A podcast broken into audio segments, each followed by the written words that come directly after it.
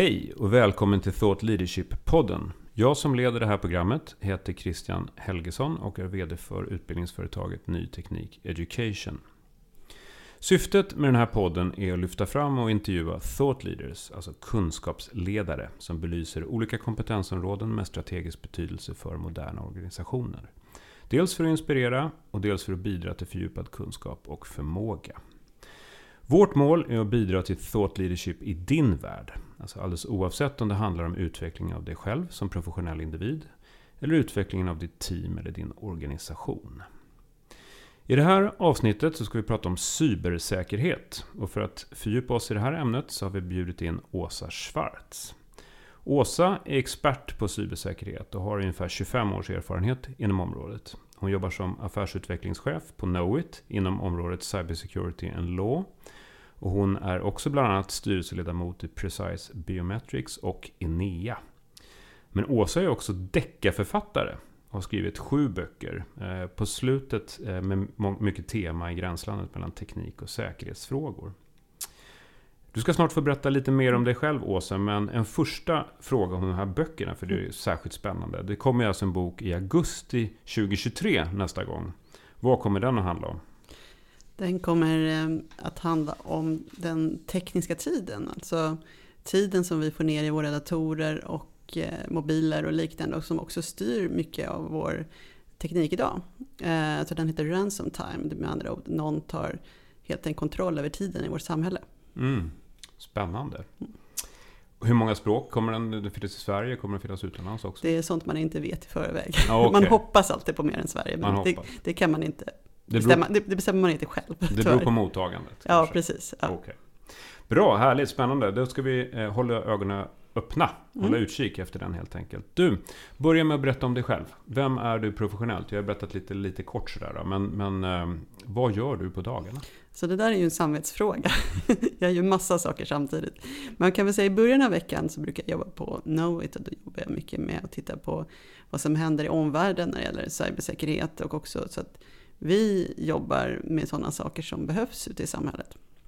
Det är ett konsultbolag. Mm. Eh, och det är ganska spännande. Just nu sitter jag faktiskt i årets omvärldsanalys och ser på trender och vad, vad, som händer helt enkelt och som påverkar oss. Och just nu så händer det ju väldigt mycket saker i världen. Mm. Men du konsultar också då? Jag konsultar lite och pratar med våra kunder och tittar också på vilka exjobb vi ska göra. För vad man behöver titta lite närmare på. Okej. Okay. Men om man tar det som utgångspunkt då. Mm. Vad, vad är de viktigaste trenderna som du ser inom cybersäkerhetsområdet just nu? Och just nu så sitter vi i en situation som vi aldrig varit i tidigare. Vi har ett krig i Europa. Mm. Och det, här, det innebär ju att många alltså större viktiga myndigheter och företag håller på att kraftsamla på ett helt annat sätt än tidigare. Så just nu så är det stor mobilisering kan man säga. Så att våra företag och myndigheter ska bli bättre på cybersäkerhet. Mm. Eh, det, orsaken är ju väldigt tråkig men jag tycker det är bra att det faktiskt händer någonting. För vi ligger lite efter i Sverige på det området. På vilket sätt ligger vi efter? Ja, det, man skulle säga att vi kanske är medelmåttiga på säkerhet i, i, i, Sverige medan vi är väldigt, väldigt bra på digitalisering. Vi är någon av de länderna i världen som är bäst på digitalisering. Eh, samtidigt som kanske ligger ja, ja, någonstans med, med lite sådär när det gäller säkerhet. Och det gör ju att vi har mycket högre risk eftersom vi är så beroende av alla våra IT-system och sådär. Så att vi måste, de, om inte de funkar, funkar ingenting i samhället. Mm. Det finns en lista mm. som du brukar berätta om. Mm. Um, som heter Global Cyber Security Index. Mm. Mm. Och där ligger Sverige, uh, enligt det jag såg i alla fall, mm. på 26 plats av 32 länder. Mm. Var, vad mäter det här indexet och, och, varför ligger vi så långt ner i Sverige på den listan? Eh, ja, man skulle säga som jag sa tidigare att vi ligger ju långt ner beroende på vad vi gör annars då. Men den mäter framförallt så här, vilka legala krav vi har och vilken organisation vi har i Sverige för säkerhetsfrågor. Eh, hur näringsliv och, och eh, statliga myndigheter samarbetar och, och den delen. Eh, och det är ju inte hela sanningen. Det är ju inte så att det är någon som har skannat alla datorer i Sverige och sett att vi är lite sämre. Utan det, det är hur vi jobbar i samhället med säkerhetsfrågor. Okay. Eh, sen så finns det ju, man kan ju jämföra med ett annat. Bara för något år sedan så vann vi en av, eh, eller världens största sån här incidenthanteringstävling. ett svenskt lag. Så att vi har ju folk som är extremt bra på säkerhet, men vi kanske inte organiserar det på samhällsnivå lika bra som andra. Samtidigt så kan man ju se det så här också. Det är 32 länder om jag förstår det rätt som är med på den här listan. Det Mm. måste ju finnas mängder med andra länder som inte är kvalificerat till listan då, eller? Ja, jag tror att det är fler länder på listan. Ja, det är så. Ja, jag Men tror att... Det står ja, att vi ligger på plats 26 av 32. nej, det, det var 32 förra året. Eller året innan som vi låg på. Ah. Så jag tror att eh, det var lite felläsning. Då förstår Ja. jag. Och vi har Utan- förbättrat oss då helt Ja, det är enkelt. många mer på... Ja, precis. Vi har förbättrat oss och Ja. blivit lite bättre helt enkelt. Ja, men det var ju positivt. Ja, ja. Du, om man tittar på, på cybersäkerhet som område. Om man tittar Ja. på hotområden. Mm. Vad är de vanligaste hoten som ni eh, Ja. stöter på idag? Och hur fungerar det här? Liksom? Och vad är det företag och orga- organisationer typiskt sett råkar ut för? Ja. Jag kan börja med att prata lite om varför. Ja, Eh, För, för det är... Drivkraften har förändrats ganska mycket när det gäller varför någon till exempel hackar ett företag eller något sånt där. Eh, Och numera är det extremt stort finansiellt eh, liksom, motiv till att det, det är den absolut vanligaste anledningen till att ett företag blir angripet på något sätt digitalt. Eh, Och så den näst vanligaste det är då så här statsmotiverade eh, attacker. Det är som om ja, någon av de större, eller ja, egentligen vilken, för, vilket stat som helst skulle angripa oss med, med hackers som på något sätt har ett samband med, med regering eller stat eller liknande. Okay. Eh, ja, och sen så till fråga, själva Ja. frågan då. ja, vad som kan hända. Eh, det är lite olika. Man kan titta på liksom, cybersäkerhet på lite olika perspektiv. Det ena är att eh, man helt enkelt, som många tänker på, att man blir hackad. Det är någon som tar din information. Men man kan, det kan ju också vara så att det är någon som ändrar din information. Eh, till exempel betalningar. Det, blir, det kan hända jättekonstiga saker om man ändrar, lägger till en siffra i en betalning till exempel. Eh, eller så kan man helt enkelt se till att någonting inte funkar. Så man kan ta information, man kan ändra information och så kan man liksom se till att det inte funkar. Och en vanlig sån attack det är en så kallad DDoS-attack. Så att man ser till att det skickas alldeles för mycket annan information till det här företaget. Så att de här vanliga anropen till syst- systemen inte funkar. Det är då man oftast brukar se att en hemsida är nere. Eller något sånt där. Okej. Så det finns massa spännande saker man kan göra om man är, ja, är arg eller vill ha pengar eller någonting sånt. Och vad är några fler exempel? Ett annat väldigt vanligt som växer mycket, mycket är ju ransomware. Mm. Ransomware är ju när man till exempel krypterar en, en dator, en, ett företags datorer och säger ni får inte tillgång till det här om ni inte betalar pengar. Det är en väldigt vanlig typ av, av attack numera som växer väldigt snabbt också okej. i antal. Hur, och hur motverkar typiskt sett organisationer och, och företag det här? Nu är det ju Mm. som sagt massa olika typer av eh, modus. Som Ja, sagt, och, ja. och sådär. Men, men typiskt sett, hur ser ni att företag mot, motverkar det här? Och förebygga? Ja, alltså det finns ju det finns massa så internationella standarder. En heter ISO 27000-serien eh, där, där man kan titta på best practice när det gäller säkerhet och hur man ska jobba med det. Ehm, och sen så finns det ju på alla nivåer, allt från hur man ska göra från management-sidan till hur man som liksom, supertekniker ska jobba med säkerhet eller säker, säker utveckling till exempel. Eh, men ett första bra, bra steg det är ju faktiskt att se till att bolag, eller att bolaget är intresserade av säkerhet överhuvudtaget. Finns det en ledningsgrupp som vill vara med och driva det här arbetet? För att om det inte finns ett, liksom ett affärsmässigt mål eller på något sätt ett intresse från företagsledningen så brukar oftast inte bli så bra. Mm. För då blir aldrig de projekten prioriterade och sen så kan man ofta se att det kanske om, jag menar om, om vdn skiter i alla säkerhetsföreskrifter och, och gör precis som han eller hon vill, Mm. då kommer aldrig någon medarbetare bry sig om det heller. Men ser ni att det här är en fråga som stiger på, på ledningsgruppens agenda? Ja, Eller- jätte, jättemycket. Jag skulle säga att eh, när jag jobb, jobbade för tio år sedan, då var det ingen som brydde sig sådär Mm. jättemycket om cybersäkerhet. Och för 20 år sedan så var, undrade folk vad, vad jag höll på med egentligen och varför. Sådär. Mm. Eh, nu är det den största risken på ehm, som, som det, gick ut, jag tror att det var PBC som hade en sån här undersökning och så frågade man vilket är företagens största risker. Mm. Och då var cybersäkerhetsriskerna de absolut största som en vdarna då angav. Mm. Eh, och det var liksom före pandemi och liknande. Så att det var ja, högst Och- på listan. av Och, och på vems, det är ju väldigt intressant. Och vad Mm. händer då i, i organisationsstrukturen? Utser Mm. man en, Det är CISO det heter va? Ja, Mm. Heter Mm. det. Det. Och det är många större företag som Ja. nu för tiden då har. Ja, många företag har en CISO. Och du kanske Eh, ska berätta för lyssnarna vad, vad det betyder. Ja, eh, det är, ska vi säga det, Chief, Chief Information Security Officer. Exakt. Ja. Eh, Så det är ungefär som motsvarande till IT-säkerhet fast man är då säkerhetsfokuserad. Och det, det kan ju också vara ganska intressant att veta. Man ska nog inte lägga den tjänsten under IT-avdelningen. För, Varför då? därför den ligger ofta och följer upp hela IT-arbetet över hela organisationen. Och numera är det inte längre en, alltså IT är inte längre bara IT-avdelningen, IT är all verksamhet. Mm. Eh, och det är lite jobbigt att peta på sin chef som man har lönesättad, alltså sin Mm. lönesättande chef och säga att den personen ska ändra beteende. Just det. Eh, utan det är bättre att det ligger utanför liksom de, där större delen av IT finns. Och typiskt sett, vad brukar de hamna då? Under? Eh, De brukar ofta hamna kanske uppe i någon slags stab eller någon, ja, den, den typen av, Mm. eh, och några hamnar i ledningsgrupp. Okej. eh, Där det är väldigt viktigt med, med, med säkerhetsfrågor. Du, en fråga Mm. som självklart typ alla frågar sig. Mm, Åtminstone mm, jag i alla mm. fall.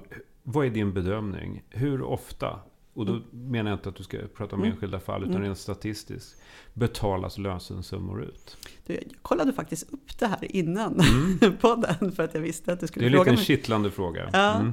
Och det finns olika undersökningar, men det ligger, jag blev jätteförvånad för jag tycker, men varför betalar man då? Men eh, mellan 50-80 procent av de jag såg betalar Det är så? första gången. Men vad man också ser är ju att de mest, flesta som betalar antingen inte får sin information i alla fall, för jag menar det är ju kriminella man har att göra med och de struntar väl i det. Mm. Eller att de får ett nytt angrepp ganska snart inpå. Men och för varje angrepp blir lösensumman högre. Just det. Så man hamnar i en väldigt, väldigt dålig loop. Förutom då att man finansierar då kriminell verksamhet, vilket Mm. inte är lika kul. Och det är därför ransomware-attackerna ökar så Ja. dramatiskt. För det är faktiskt så många som betalar. Ja, det, det är Mm. väldigt lönsamt. Mm. Ehm, och det är ju som jag sa tidigare, det är ju det de är ute efter pengar. Så Mm. det är en väldigt lönsamt sätt att snabbt få pengar och en affärsmodell som man, ja, det är ja, lätta pengar helt enkelt. Ja, Mm. fruktansvärt. Du, vad, Mm. vil, vilka hot ser du att vi kommer att få möta framöver? Vad är det som Ja. växer fram? Ser du någonting i horisonten? Ja, det är om man säger precis nu som, som börjar, börjar dyka upp. Det är ju, är ju brott som är re, relaterade till AI eller allt ljud och bild. Mm. Vi kan ju numera väldigt lätt fejka personer eller eh, personers eh, språk eller ja, röst helt enkelt.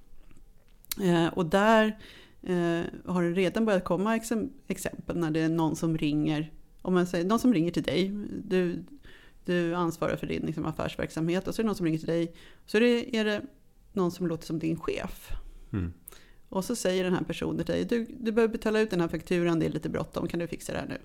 Och jag menar, du hör ju chefens röst i, i örat, så att, ja men du gör ju det. Mm. Det är bara det att det är inte den personen, utan det är någon som har gjort en röstbild av eh, din chef. Så det är, det är som en fejkat ljud. Helt hur typiskt sett går det till? Hur skapar man den? Eh, när man, man lär sig, alltså man, det gäller ju att ha ett visst ljudunderlag och då är det kanske bättre, liksom, om man tar till exempel VD eller eh, som man ofta pratar i media på något sätt. Mm. Eh, och så har man en, en AI som helt enkelt, efter ett visst antal eh, liksom, inspelningsminuter så, så börjar den låta mer och mer som den här personen. Då. Otroligt. Mm. Något annat som du ser komma framöver? Ja, det kommer massor av spännande sa- saker. Det ska vi kunna prata om i flera timmar här. Mm. Men en annan är ju överhuvudtaget riskerna med artificiell intelligens överhuvudtaget. Och det är ju det flesta, det, det här med artificiell intelligens, då tänker man ju på science fiction-filmer och sådana saker. Mm. Men vi börjar ju närma oss någonting, det finns något som heter machine learning. Som är, man, man kan inte tänka själv, men man kan lära sig uppnå ett visst specifikt mål. Som och, ehm, ja, det, det kan ju vara någonting man ska utföra, det kan ju vara bedömningar av något slag. Eller ja, kreditbedömningar till exempel. Eller någon typ av ehm, ja, lite mi- mindre tänkande saker. Mm. Eh, och eh, det finns ju i våra verksamheter idag. Nästan allting har någon typ av machine learning inblandat. Och så blir det mer och mer självtänkande. Eh, och där är man ju rädd för att det, det blir ett väldigt kraftfullt redskap. Det blir jätte, man kan göra fantastiska saker med artificiell intelligens. Men samtidigt så kan det, om det går fel, så kan Mm. det gå, gå väldigt fel. Mm. Eh, De här hemskaste fallen ser man ju i science fiction-filmer med robotar och grejer som helt enkelt blir självtänkande och sådär. Mm. Men det finns ju mycket lättare och mindre fall som faktiskt påverkar vårt samhälle mycket. Ett, Typ. ja, ett exempel kan ju vara till exempel något som heter bias, alltså att man, diskriminering blir större med hjälp av datorer istället för mindre. Eh, och det kan man se till exempel har eh, om man utgår från vilken typ av person som söker en viss tjänst. Mm. Eh, Så kanske en AI, och det här har ju hänt då, en AI upptäcker att ja, men kvinnor ja, de söker oftast till mindre välbetalda jobb och män söker oftast till mer välbetalda jobb. Ja, men då är det ju bättre att visa rekryteringsannonserna för välbetalda jobb för bara män. Mm. Och då får vi ju ett samhälle som blir jättekonstigt. Som förstärks. Ja, Mm. De har ju haft sådana här äh, verktyg också bland annat för att stötta domare i USA så att de inte ska bli disk liksom, diskriminerade. Men det har visat sig att de här verktygen diskriminerar ju ännu mer Mm. istället. Så, så det finns ju sådana saker man måste hålla ögonen för. Sen är det ju så här rent, jag menar om du har en, en städrobot till exempel. Jag skriver ju thriller och sånt där så jag tycker ju sådana här exempel är roligt. Där. Men om man har en städrobot som har som uppdrag att hålla rent i ett hus. Mm. Ja men vad händer då när den här roboten kommer på att vilka som stökar ner?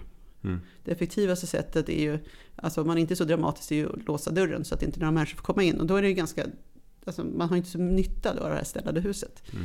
Eh, men det är ännu värre om man, man kan ju göra en bra, bra berättelse då om, om man kommer fram till, ja men om man har ihjäl människor, ja men då är våra hus, alla husen rena. Mm. Så att det, det är liksom, sådana där Vad saker. drastisk åtgärd.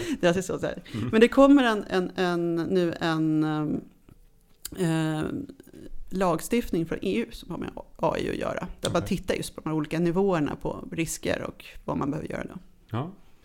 Spännande, mycket fram, som kommer hända framöver helt enkelt. Mm. Ja. Du, om, man, om vi vänder tillbaks och tittar på våra Ja. organisationer. För Ja. jag tror att ändå att de flesta som lyssnar på det här har- sitter med, med utmaningar Ja. Mm. internt. Och då kan man tänka sig, alltså om man tittar på vår, alltså företagens eller organisationers design, alltså organisationsdesign Mm. eller organisationstyp. Ja. Spelar den någon roll för vår cybersäkerhetsförmåga? Eller hur påverkar det?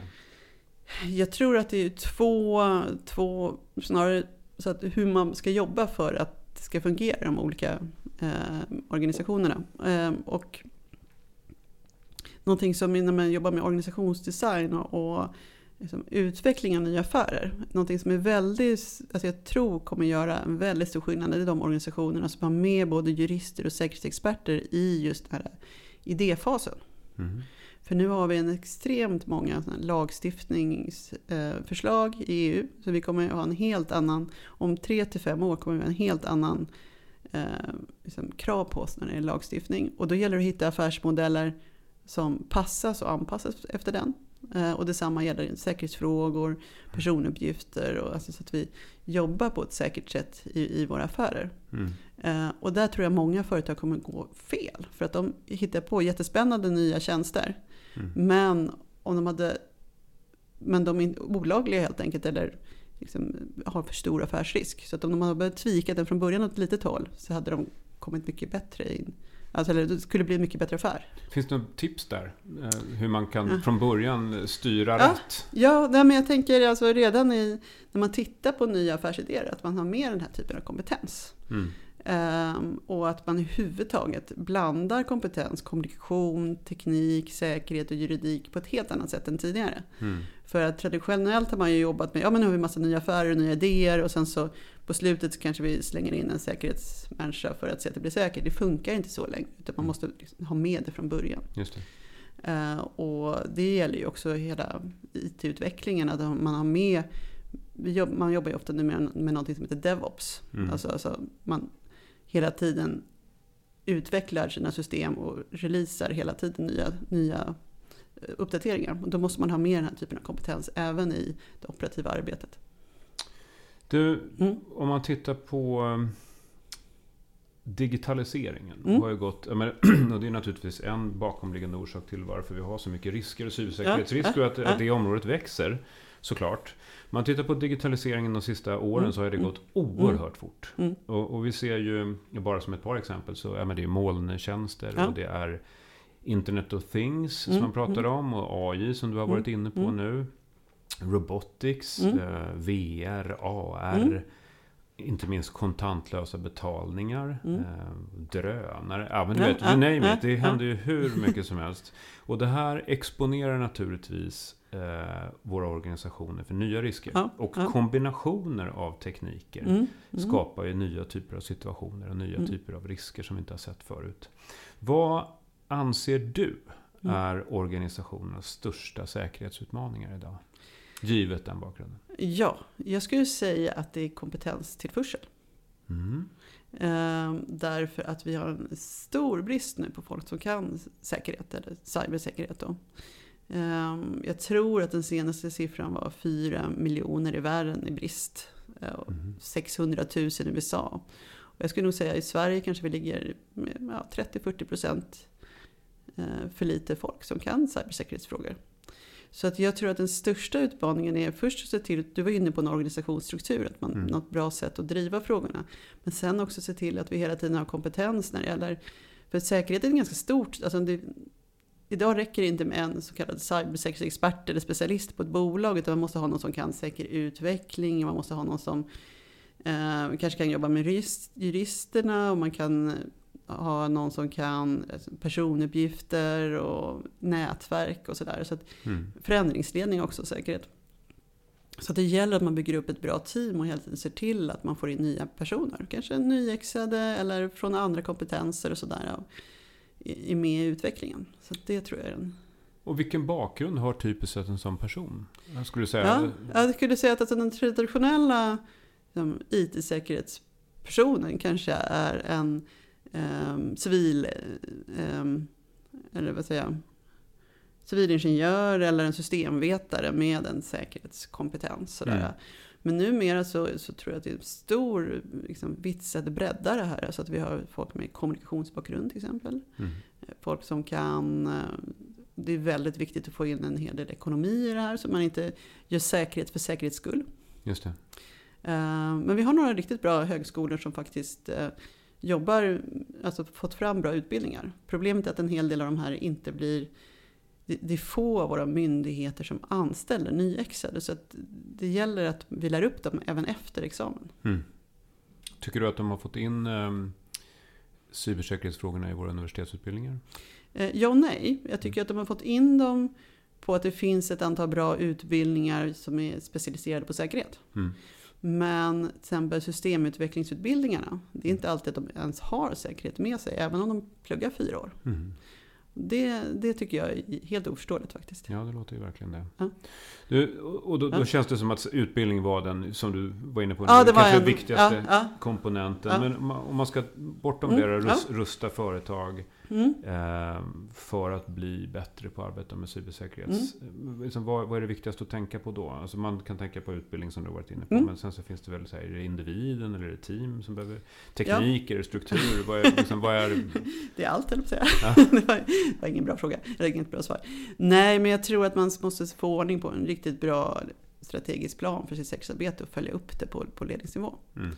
Eh, och att man ska också veta att säkerhet inte bara en liten, liten fråga som IT håller på med. Utan just nu så ungefär alla delar av en organisation jobbar ju med säkerhetsfrågor just nu. Och det kan ju vara till exempel marknad som upphandlar molntjänster. Eller det kan vara ja, utvecklingsdelen eller att man till, liksom, handlar upp saker av en, en leverantör. Och det tror jag också är en väldigt stor utmaning just nu. Det är att man upphandlar ju saker av en leverantör Mm. som använder ett IT-system av en annan leverantör som i sin tur använder ett IT-system. Det, det kallar man för tredjepartsrisker. Mm. Eh, och det är ett, eh, alltså Coop till exempel som alla Just känner igen. somras Ja, Var det väl va? ja, eh, ja, förra sommaren. Förra sommaren till och med. ja. Just det. Ja. Där får man ju in alla de här exemplen vi har haft. Det var ju ransomware Mm. av ett, ett företag som används av ett företag som används av ett företag och som till slut ska leverera eh, matvaror till oss. Mm. Eh, men vi får ju inga matvaror om inte betalningar och lager och sånt fungerar. Mm. Så eh, det är ett typexempel på vad som kan hända idag. Det här området liknar ju ganska mycket. Mm. Man har sett precis samma Mm. utveckling när, när IT eh, liksom kom, höll jag på att säga. Det, var, det Mm. lät ju väldigt länge Mm. sedan. Men, men jag menar det här när man, eh, att, att IT, som du var inne på inledningsvis, är ju hela affären. IT är ju hela verksamheten. Det var det inte från början ju. Nej, nej. Eh, samma med hållbarhet, som började som en liten grej vid sidan om och sådär, som nu måste också genomsyra hela, hela Ja. företaget. Och samma Ja. nu med säkerhet, Ja. eller cybersäkerhet, som måste också genomsyra allt. Ja. Eh, hela verksamheten. Ja, när jag började för, alltså, i slutet av 90-talet, då fanns det där, när man gjorde analyser, så fanns det sådana här kryss, där manuella rutiner finns. Mm. Eh, Det krysset har ju försvunnit för 20 år sedan. Alltså det, det, vi kan inte, det finns ju ingen verksamhet nästan som kan gå över till manuella rutiner. Jag menar, Mm. tänk en internetbank, vadå manuella rutiner? Det går ju inte. Du, eh, om man ska tänka Mm. på lite framtid då. Mm. Eh, vad är de viktigaste parametrarna när vi tittar på cybersäkerhetsområdet framåt? Vad ser du i horisonten? Vi pratade om hot förut, vad är det som kommer hotmässigt? Mm. Men eh, du har varit inne lite grann på lagstiftning kanske. Mm, Eh, mm. säkerhetsfrågor, NATO ska vi ju gå in i eh, här snart. Eh, Det kanske är andra hot eller tekniker. Vad ser du i horisonten? Vad är, vad är viktigt, tycker du, tror du, framöver? Jaha, först tror jag att det är lite, vi var ju inne på lagstiftning också, men EU har något som heter Digital Decade nu. Eh, och eh, EU, och det, det finns massa bra saker med Digital Decade. Man, man ska utbilda folk, alla ska ha sådana här e-identiteter. Man ska, det finns många positiva saker inom vad de kallar för Digital Decade. Och det är ju egentligen bara för att, att EU ska bli bättre och att våra produkter ska bli bättre. Mm. Men det gör ju också att EU styr ju med egentligen ett medel. Eller de styr med piska och morot då, men det är väldigt mycket lagstiftning. Mm. Så att jag såg senast, eller här i går, så såg jag en sammanställning och det är, jag tror att det är ett 20-tal eh, lagar inom just digitalisering bara och säkerhet. Mm. Eh, som kommer att komma inom två, tre år. Okej. Så den, den gäller ju att ha koll på. Ehm, och, men, men sen så tror jag framförallt att man bara ska betrakta säkerhet som en del av, jag menar, en, du var inne på det, en del av affären. Att Mm. vi har med säkerhet i all affärsutveckling, i, i alla, all produktutveckling. Eh, Så att det är en naturlig del och inte en någon, obskyr organisation som sitter vid sidan och ska jobba med säkerhet. Just det. För bredda kunnandet om säkerhet också i organisationen. Precis, ja. Så För det är ofta, ja. väl ofta också så att det är individer som råkar Ja. göra någonting fel. Ja, Och så, ja. Kanske helt omedvetet, men, men Ja. att man inte har tillräcklig kunskap. Då. Ja, ofta kan det vara fel. Man kan också utveckla lite system som är lite dåliga helt enkelt. Mm. Eh, Och, det blir, och det gör väl detsamma om det är ransomware eller om det är en dålig kod, om, om hela systemet går ner. Mm. Ehm, sen så kan det också vara så att det är individer som klickar på någonting. Mm. Det kan ju vara någon ond person som skickar in en ransomware till exempel. Och sen så klickar någon på mejlet för att man trodde att det var från farmor eller Mm. någonting, någonting sådant. Mm. Ehm, ja, Nu lagstiftning Ja. och, och utbildning. ing- Och, och vi, var, vi har pratat om ransomware redan, det håller ju på att öka Ja. fortfarande väldigt mycket. Sen så just AI-delarna. mm. Eh, vi, vi måste liksom få in de riskerna. Vi, vi jobbar ju vi har jobbat väldigt mycket med riskanalyser när man jobbar med, med IT. Men Mm. det blir nya risker när man pratar om AI och, och de delarna. Eh, och nu när vi är på väg, eh, ja, du, kanske, Facebook har ju döpt om sig till Meta. Mm. Ja. Och så de har ju, har ju håller på att liksom kommunicera metaverse. Eh, och när en sån stor organisation och många andra kommunicerar att vi är på väg till någon slags, vad ska man säga, en, en, en, en matrix light. Mm. så, så, så finns det ju massa nya utmaningar när vi, när vi börjar kombinera vardagen med en liksom, fantasiverklighet i, i datorerna. Eh, då måste vi både hålla reda på liksom, det här med identitet, vem som är vän med ute i metaverse och är det jag eller någon annan som kan sno min identitet ute i metaverse. Eh, och sen så om man börjar applicera lagstiftning på metaverse, det är som personuppgifter, alltså det, det finns hur mycket som helst. Mm. Förutom att det ska vara säkert. Det är Mm. ju superjobbigt om någon, om man lever halva sitt liv i, i någon slags fantasi, alltså det är ju inte fantasi, det är ju en, det är en, Mm. i en datorplattform och så Mm. plötsligt så blir den, den del av ens liv borta. Mm. Det är inte så kul. Det är pengar, betalningar och alla sådana delar också. Mm. Du, avslutningsvis. ehm, Topp tre tips för att bli framgångsrik eller lyckosam i sitt, i sitt cybersäkerhetsarbete. Vad skulle du lyfta fram då? Uh, ja, jag tror att framförallt ska man vara positiv. Man ska vara positiv? ja, man ska vara glad. Uh, sä säkerhet är faktiskt väldigt, väldigt roligt. Mm. Uh, om man, alltså det, det är kul. På vilket sätt då? Frågar jag. ja, ja, men det är jättekul. Men, men tänk dig, det är som böcker. Det är onda och goda och vi ska skydda oss. Och det ska, det liksom, man får göra det till en story så att det är lite spännande sådär. Mm. Och jag har ju pratat om det tidigare, man måste se till att liksom, säkerhetsprojekten måste vara sponsrade från mm. just ledningen för att det ska funka. Så ska man också tänka på att säkerhet inte är IT, utan säkerhet är oftast förändringsledning. Så att man måste tänka på att människor ska byta beteende för att arbeta säkert. Eh, för jag har sett väldigt många säkerhetsprojekt där man gör så jättebra standarder och olika riktlinjer och sådär. Så mejlar man ut det. Mm. Och så är man förvånad att folk inte följer dem. Mm. Men man, det egentligen borde vara åt andra hållet. Man kanske ägnar 20% till exakt vad man ska göra och sen 80% till att folk ska ändra beteende. Mm. Så man ska hålla, hålla sig positiv, tycka att det är ja. lite roligt. Ja. Man ska vara sponsrad av ledningen ja. och, eh, och, få dem att förstå allvaret i det här och eh, betydelsen av det. Och sen så ska man integrera säkerhetsarbetet i verksamheten och få det som blir en genomsyra och vara en naturlig del av, av Precis. verksamheten. Det, det, det låter ju lätt. Det låter lätt. det kan ta några år. Du, eh, stort tack. Det var sista frågan jag hade. Ja, stort tack Åsa mm. för att du var med idag. Mm. Jättekul att snacka med dig. Mm. Och eh, stort tack till er som lyssnade. Mm, tack.